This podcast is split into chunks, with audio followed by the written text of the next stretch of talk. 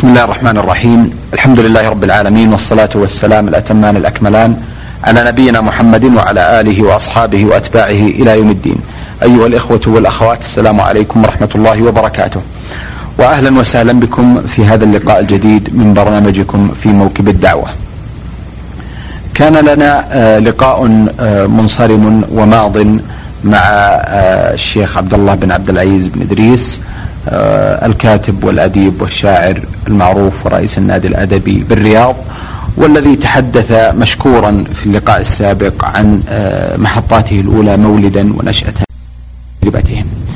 في هذا اللقاء نواصل العديد الحديث عن محطات الشيخ عبد الله المهمة والتي تستحق أن نستمع فيها من رجل عاش تجارب عديدة في مواقع ومحطات آه، متعددة أيضا آه، في مطلع هذا اللقاء باسمكم جميعا ورحب بالشيخ عبد الله. فأهلا وسهلا بكم شيخ عبد الله. أهلا وسهلا بكم. حياكم الله. شيخ عبد الله توقف الحديث في اللقاء السابق عن عملكم في المعاهد والكليات. آه، دعني أتوقف يا شيخ عبد الله عند محطة مهمة. آه، الشيخ محمد بن إبراهيم علم من علام هذه البلاد الذي كان لهم أثر واضح في حياة هذه البلاد. العلمية والفكرية والثقافية والشرعية. آه، كنتم من القريبين منه. سواء في تلمذكم عليه أو في عملكم معه تحت إشرافه في المعاهد والكليات ثم أخيرا محطتكم المهمة بتكليفكم برئاسة تحرير وإدارة مجلة الدعوة كيف تحدثون عن هذه الشخصية ويستمع الآن إليكم العديد من الشباب والأجيال التي لم آه، تعرف هذا العلم الشامخ والبارز إلا من خلال حديث المشايخ وأنتم منهم. آه، الشيخ محمد بن إبراهيم رحمة الله عليه آه، فعلا علم شامخ كما تفضلت وذكرت ويعتبر من العقليات العجيبة يعني ذو عقلية فذة وذو فكر آه، ناضج وسياسة حكيمة. آه، رجل آه، يندر أن يوجد مثله في أزمنة متقاربة. عقلا وعلما وحصافة وخدمة للدين والدولة وللمجتمع. فهو عالم جليل وأعطى من عمره وعلمه وعمله لدينه ولبلاده ولدولته ولأمته العربية والإسلامية الشيء الكثير. وأعماله معروفة ومسجلة ومكتوبة في فتاواه وفي بعض الكتب التي كتبت عنه ومآثره آه، أكثر من أن أذكرها أو أحصرها في آه، لمحة خاطفة كهذه. فهو من العلماء الأجلاء الذين آه، جمعوا بين غزارة العلم وقوة الحجة وثبات العقل وبعد النظر النظرة الفكرية والسياسية أيضا فهو من الرجال الذين يعدون من أساطين من أساطين رجال الدولة ليس كسياسي أو كوزير وإنما فوق ذلك هو كعالم جليل وكموجه آه، فكري وموجه علمي وموجه ديني. آه، رجل آه، حسبك به من حيث دينه وعلمه وخلقه وثباته على الحق وقوته في على أعداء الله وقوته في مجابهة الباطل وعدم آه، يعني آه، تهاونه فيما يمس الدين أو يمس آه، أمور المسلمين عامة. وهو في إلى جانب ذلك دمث الأخلاق ولطيف المعشر. وأيضا يحدث الناس على قدر على قدر ما تسمح به ظروفهم وعقولهم وأفكارهم.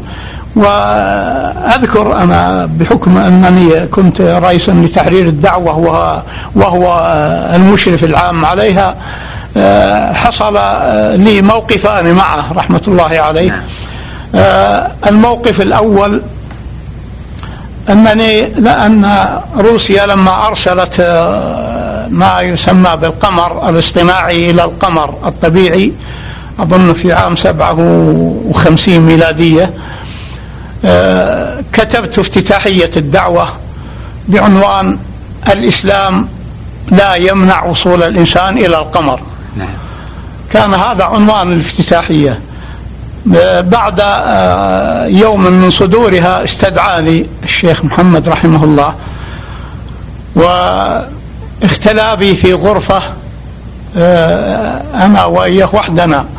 فقال فتحدث معي حديث الوالد مع ابنه في منتهى اللطف. وقال أنت يا فلان من طلبتنا الذين كيت وكيت ونعرفهم ونثق فيهم وكل ما قلته في مقالك هو حق وصدق لا ملاحظة عليه على الإطلاق. ما عدا أنك تقوله في وقت قد لا يكون مناسبا من حيث وجود أناس ما زالوا متعصبين نعم. ضد ما يقال من هذا التطور نعم. فينظرون إلى أن الدعوة هي لسان حالهم ولما تكتب شيئا غريبا عليم ربما يثيرهم هذا ويعتبرونه خروجا على المألوف. وأقول لك مرة ثانية إن كل الذي كتبته وقلته صحيح مئة في المئة ولا غبار عليه ولا ملاحظة عليه. ولكن المفروض أن تكون الدعوة آخر من يكتب في هذا الموضوع. هذا ملخص ما قاله نعم. رحمه الله. توجيه نعم. طيب. توجيه جدا. نعم. فطبعا أنا أخذت بطبيعة الحال بوصيته ونصيحته ولم أعد أكتب نعم. أو ما عدت أكتب عن الموضوع هذا نعم. مرة أخرى جميل. آه، المرة الثانية أو الموقف الثاني آه، أن سماحة الشيخ عبد العزيز بن باز رحمة الله عليه نشر مقالا آه، في أظن جريدة البلاد و أذكر أو قيل إنه ذكر فيها أن أن أن الأرض لا تدور حول دوران الأرض. فكتب الشيخ محمود الصواف مقالا ردا على الشيخ عبد العزيز بن باز. وأرسله إلي لأنشره في الدعوة. وكان الشيخ عبد العزيز بن باز حين ذاك آه، رئيسا للجامعة الإسلامية في المدينة. فأرسلت المقال مقال الشيخ الصواف إلى الشيخ عبد العزيز بن باز وكتبت معه خطاب وقلت هذا مقال الشيخ الصواف أرجو أن تقرأه وتعطينا رأيك فيه. هل تسمح بنشره؟ أم, أم لا تسمح؟ أنت, أنت آه، صاحب الرأي في هذا. نحن لن ننشره إلا برضاك. جميل. فكتب لي خطابا رحمة الله عليه آه، كله لطف وحنان على آه، تلميذه آه، وقال لا مانع لدي من نشر المقال بشرط أن تسمح لي بالرد عليه نعم. فكتبت له قلت سبحان الله أنا لست أسمح يعني كلمة أسمح لك هذه كبيرة علي جدا. أنا أصغر منها بكثير. أنت أستاذنا وأنت شيخنا وعلامتنا فأنت لك الحق أن ترد وأنت صاحب الشأن في هذا. وطبعا يسعدنا أن نتلقى ردك عليه. فنشرت الحلقة الأولى من رد الشيخ الصواف. فاستدعاني الشيخ محمد ابن إبراهيم رحمه الله. وعمل عمل معي كما عمل معي في المرة السابقة آه، حيث اختلى بي وتحدث معي آه، حديثا حديثا حديثا أبويا حقيقة. وقال أن آه، الشيخ عبد العزيز بن باز أستاذكم وله حق عليكم. ويعني نشرك المقال هذا ردا عليه كأن كأنه يوحي بعقوق. فقلت يا شيخنا محمد أنا أرسلت المقال للشيخ عبد العزيز وقرأه وأذن بنشره وقال إنني سأرد عليه. نعم. هذا ما قال قال إيه هو قال كذا. نعم. قلت نعم. قال إذا سقط حقه وبقي الحق العام. نعم. إذا سقط حق الشيخ عبد العزيز بن باز وبقي الحق العام وهو أن الصواف هذا عليه مآخذ نعم. في العقيدة ولهذا آمل ألا تنشر بقي كم بقي من الحلقات؟ قلت حلقتين. قال آمل ألا تنشرها. قلت ولك أبشر.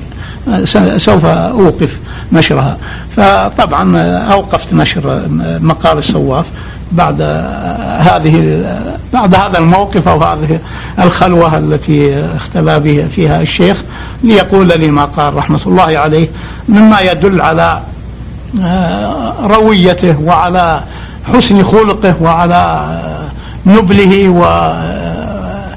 ومحبته لطلبة العلم والرفق والرفق بهم. نعم.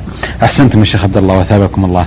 أه الشيخ عبد الله آه، قبل أيضا أن نمتد إلى جوانب أخرى ومحطة مهمة من محطات حياتكم وهي آه، عملكم في مجلة الدعوة آه، لكم العديد من النشاط العلمي في كتابة بعض المؤلفات والدواوين وغيرها هل ممكن أن نستمع أبرز ما كتبتموه وشاركتم به شيخ عبد الله والله آه، يعني في الكتابة في الجرائد والمجلات هذا شيء كثير جدا يعني لا يعني يمكن ب لا يعد حتى بالمئات أكثر من المئات. يعني خلال ثلاث خمسين سنة وأنا أكتب وأكيد إنه تجاوز آه، يمكن إلى الآلاف يعني من المقالات. لكن آه، ما كل ما كتبت ولا حتى واحد في المئة مما كتبت جمعته ونشرته. إلا كتاب شعراء نجد المعاصرون هو الأول وهذا لم ينشر منه شيء ما عدا حلقة واحدة أظن في مجلة المعرفة القديمة التي تصدرها وزارة المعارف. فهذا الكتاب هو أول كتاب صدر في نجد أول كتاب من نوعه صدر في نجد في هذا العصر. شعراء نجد المعاصرون حيث صدر عام 1380 1960 ميلادية. يعني له الآن 41 سنة.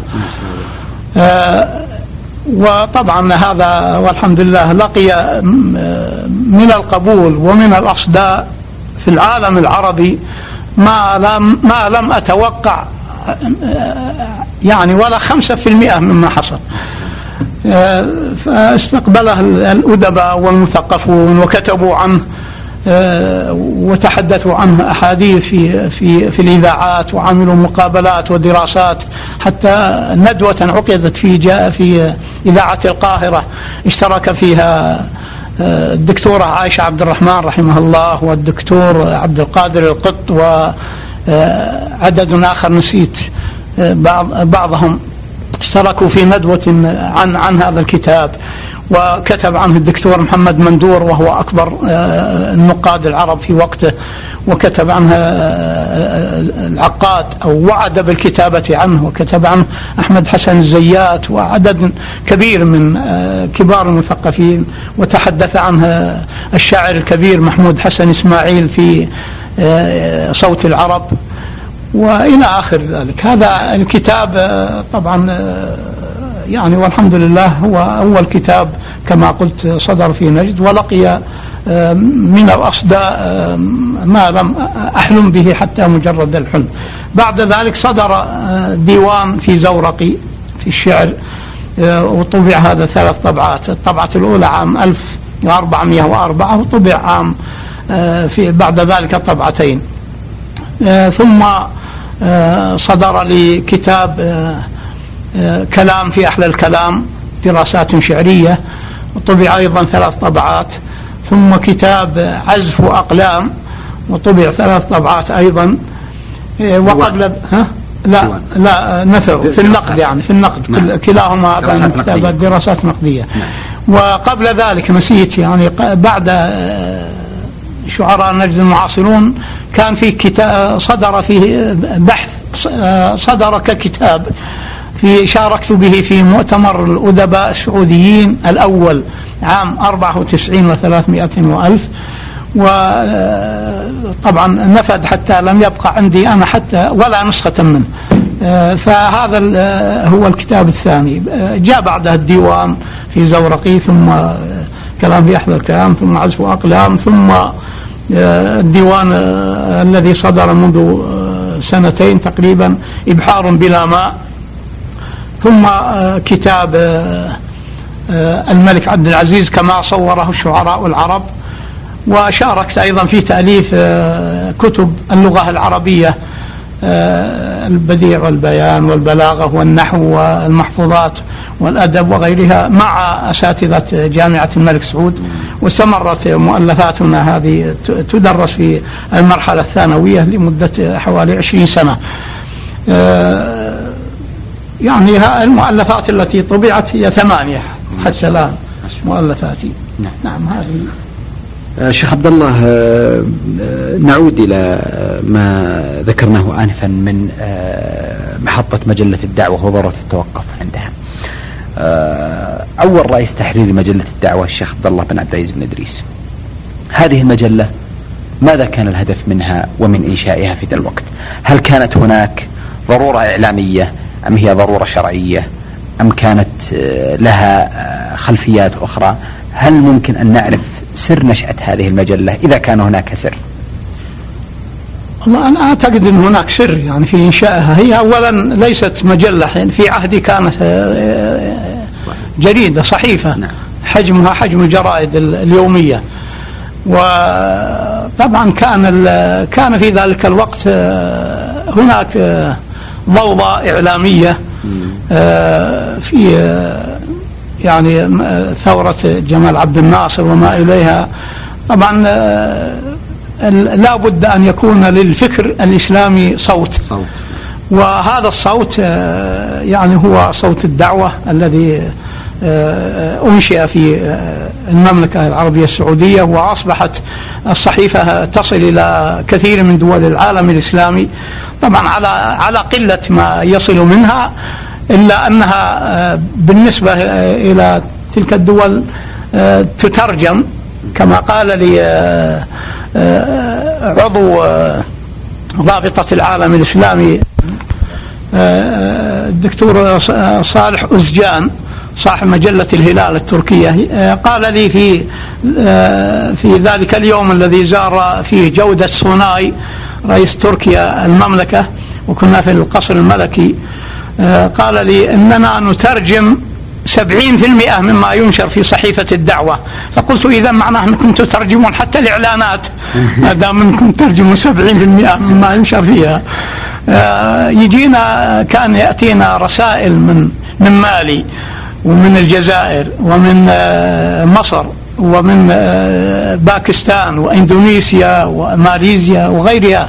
يجينا رسائل كثيرة.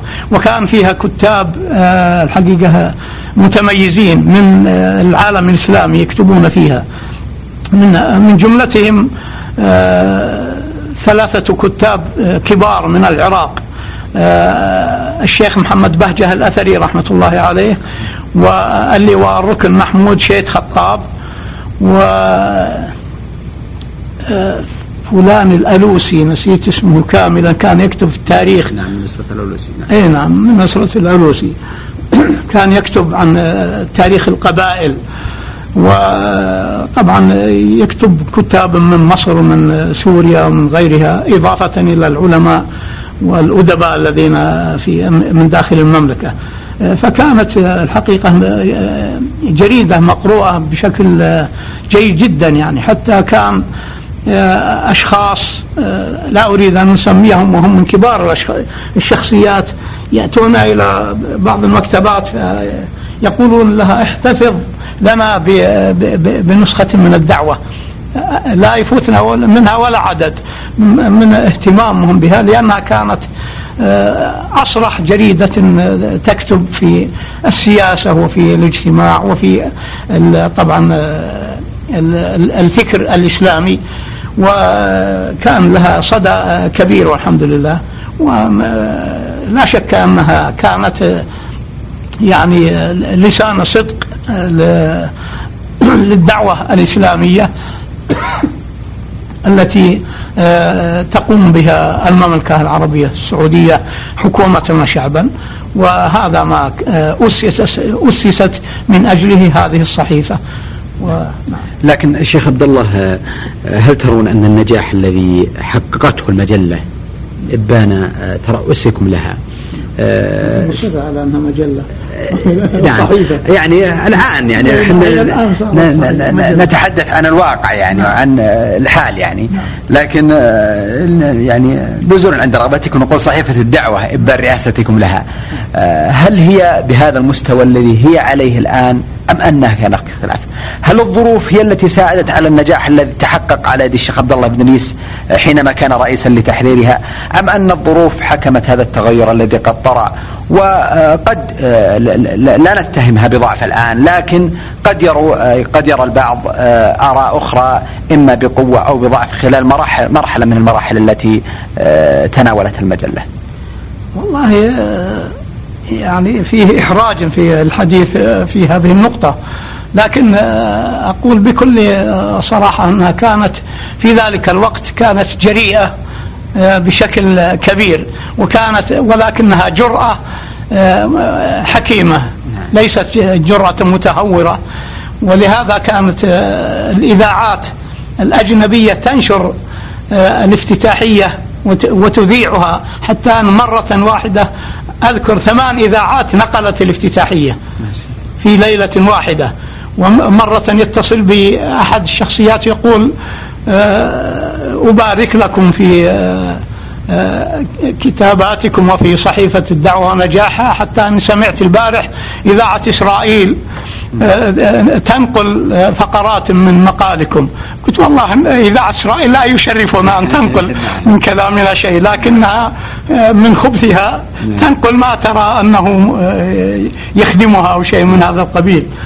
فيعني كانت كان نجاحها معتمد على الله جل وعلا ثم على آه، الانفتاح الذي الذي كانت تحياه كانت منفتحة فعلا. وكان آه، حتى كان أول آه، عنوان أول عدد في صدر منها عنوانه عن منظمة الأوبك. فتعجبوا تعجب كثير من الناس ومنهم الدكتور عبد العزيز الخويطر. قال شيء عجيب يعني هذه الصحيفة كنا ننتظر أنها ستكون صحيفة مغلقة أو صحيفة آه، آه، لا تنشر إلا ما هو يعني ما يتصل بالفقه وبالأصول وما إلى ذلك وإذا بها تدخل مباشرة في في السياسة وفي الاقتصاد وفي آه، الفكر وفي الأدب بعامة. طبعا هذا يعني هذا ما أردنا أنه يجعلها مقبولة ومقروءة عند الناس والحمد لله أننا توفقنا في ذلك كل التوفيق يعني أحسنتم يا شيخ عبد الله. آه، شيخ عبد الله آه، أسألكم سؤالا صريحا أيضا. آه، لو عرض عليكم العودة إلى رئاسة تحرير مجلة أو صحيفه هل توافقون ام أن تلك التجربة يعني حجبتكم عن المحيط الصحفي بعيدا؟ طبعا عرض علي العودة إلى صحيفة الدعوة وعرضت علي أيضا صحف أخرى. فرفضت. أنا أعرف يعني رحم الله امرأ عرف قدر نفسه. شبابي غير غير كهولتي. ففي ذلك الوقت كنت متحمس وكنت أكثر حيوية بكثير مما أنا عليه في السنوات الأخيرة. لذلك لا أقبل أن أكون رئيسا لتحرير صحيفة الدعوة ولا غيرها. آه، لكن شيخ عبد الله آه، أيضا أص آه، وأطرح سؤالا آخر. أحد أبنائكم يرأس تحرير مجلة وهو الابن زياد وإدريس أيضا يعمل نائب رئيس تحرير لجريدة الوطن وكلاهما من الشخصيات الأدبية المعروفة والمثقفة. هل كان لكم توجيه فعلا نحو التوجه نحو المحيط الصحفي والأدبي لأبنائكم؟ ثم يعني تبوؤهم لهذه المناصب التي قد يقال إنهم ورثوها عن أبيهم؟ والله أعتقد إنها يعني موهبة من الله جل وعلا أولا وقبل كل شيء. ثم لا شك أن أن القدوة لها تأثير يعني. فهم عايشوني أو عاشوا معي في أعمالي التي كنت أقوم بها كتابة أو كاتبا وشاعرا ثم صحفيا وكاتبا وشاعرا حتى حتى اليوم. إذا التأثير موجود. آه، يعني تأثيري عليهم موجود تلقائيا. ليس بتوجيه أن أقول لهم اعملوا كذا ولا افعلوا كذا. لا وإنما هو آه، اقتداء مجرد اقتداء واهتداء ب بما عليه والدهم حيث يعني يرون أن أن هذا الأدب وهذا الفكر أنه يخدم المجتمع ويخدم الدين قبل كل شيء ويخدم الأمة.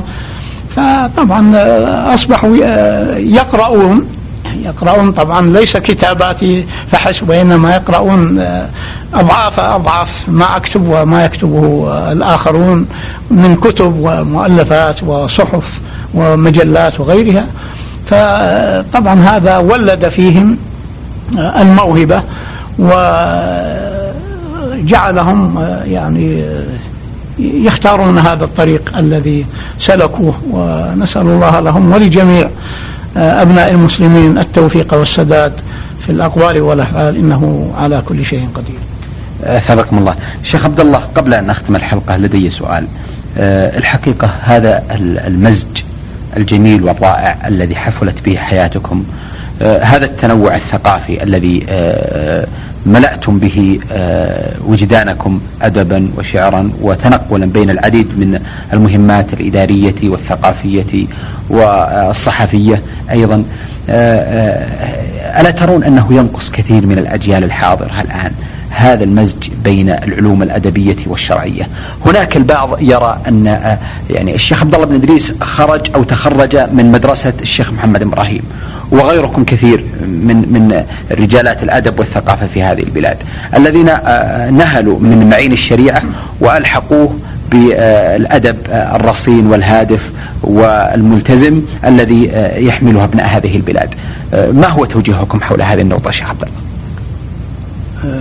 يعني أحب تحدد السؤال. أحدد السؤال بأنه آه، يعني الحاجة إلى أن آه، طلبة العلم الشرعي أيوه. يكون لديهم آه، يكون لديهم شيء من الحس الأدبي والثقافي نتيجة تحصيلهم وحصانتهم الشرعية التي تلقوها وأنه لا مانع من الإنسان يكون له تجربة أدبية وثقافية وصحفية أيضا ما دام أنه وليس هناك تعارض بين الشريعة والأدب.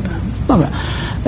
لا شك أن يعني الجيل الذي جيلنا وما قبله. وربما الجيل الذي تلانا أيضا عندهم جدية أكثر من جدية الجيل الحاضر. جيل أولاد أو أبناء الثلاثين عاما فما فما دون. لا شك أن الذين عاشوا في زمن لا توجد فيه آه، المسليات ولا توجد فيه الفضائيات ولا آه، كورة يلاحقونها أو يطالعونها في التلفاز ولا مغريات أخرى. هؤلاء ما في شك أنهم جدوا واجتهدوا وكانت حصيلتهم العلمية والأدبية آه، والفكرية متوائمة بعضها مع بعض بحيث آه، يعني أنهم مزجوا هذه هذه ال العلوم ال لا أقول المختلفة وإنما المتباعدة نوعا ما بعضها عن بعض. الأدب شيء والشريعة شيء آه، من حيث آه، الاهتمام من حيث الاهتمامات. مثلا الشعر آه، شيء والفقه شيء آخر وما إلى ذلك. فوجود هذا المزيج في الجيل في جيلنا وما وما قبله وما تلانا بما يقارب عشرين سنة أيضا لا شك أنه جيل مزج الجد.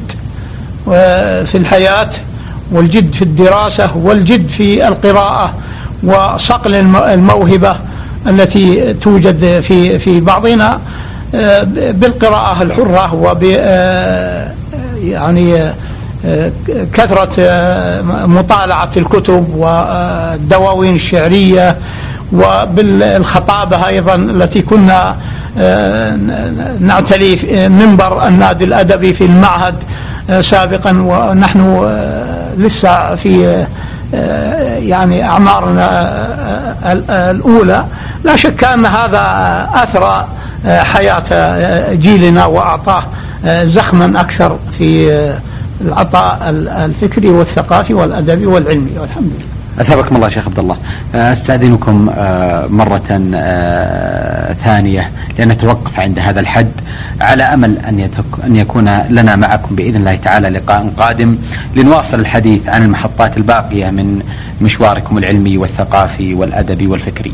أيها الإخوة والأخوات كان ضيفنا في هذا اللقاء واللقاء الذي قبله الشيخ عبد الله بن عبد العزيز بن ادريس آه، الكاتب والأديب والشاعر آه، والمفكر المعروف ورئيس النادي الأدبي بالرياض والذي تحدث لنا عن العديد من جوانب ومحطات حياته. آه، ألقاكم بإذن الله تعالى على خير في مثل هذا اليوم من الأسبوع القادم لنواصل مع الشيخ عبد الله الحديث عن بقية مشواره العلمي والفكري والأدبي. نلقاكم على خير وتقبلوا تحية من محدثكم محمد بن عبد الله مشوح. والسلام عليكم ورحمة الله وبركاته.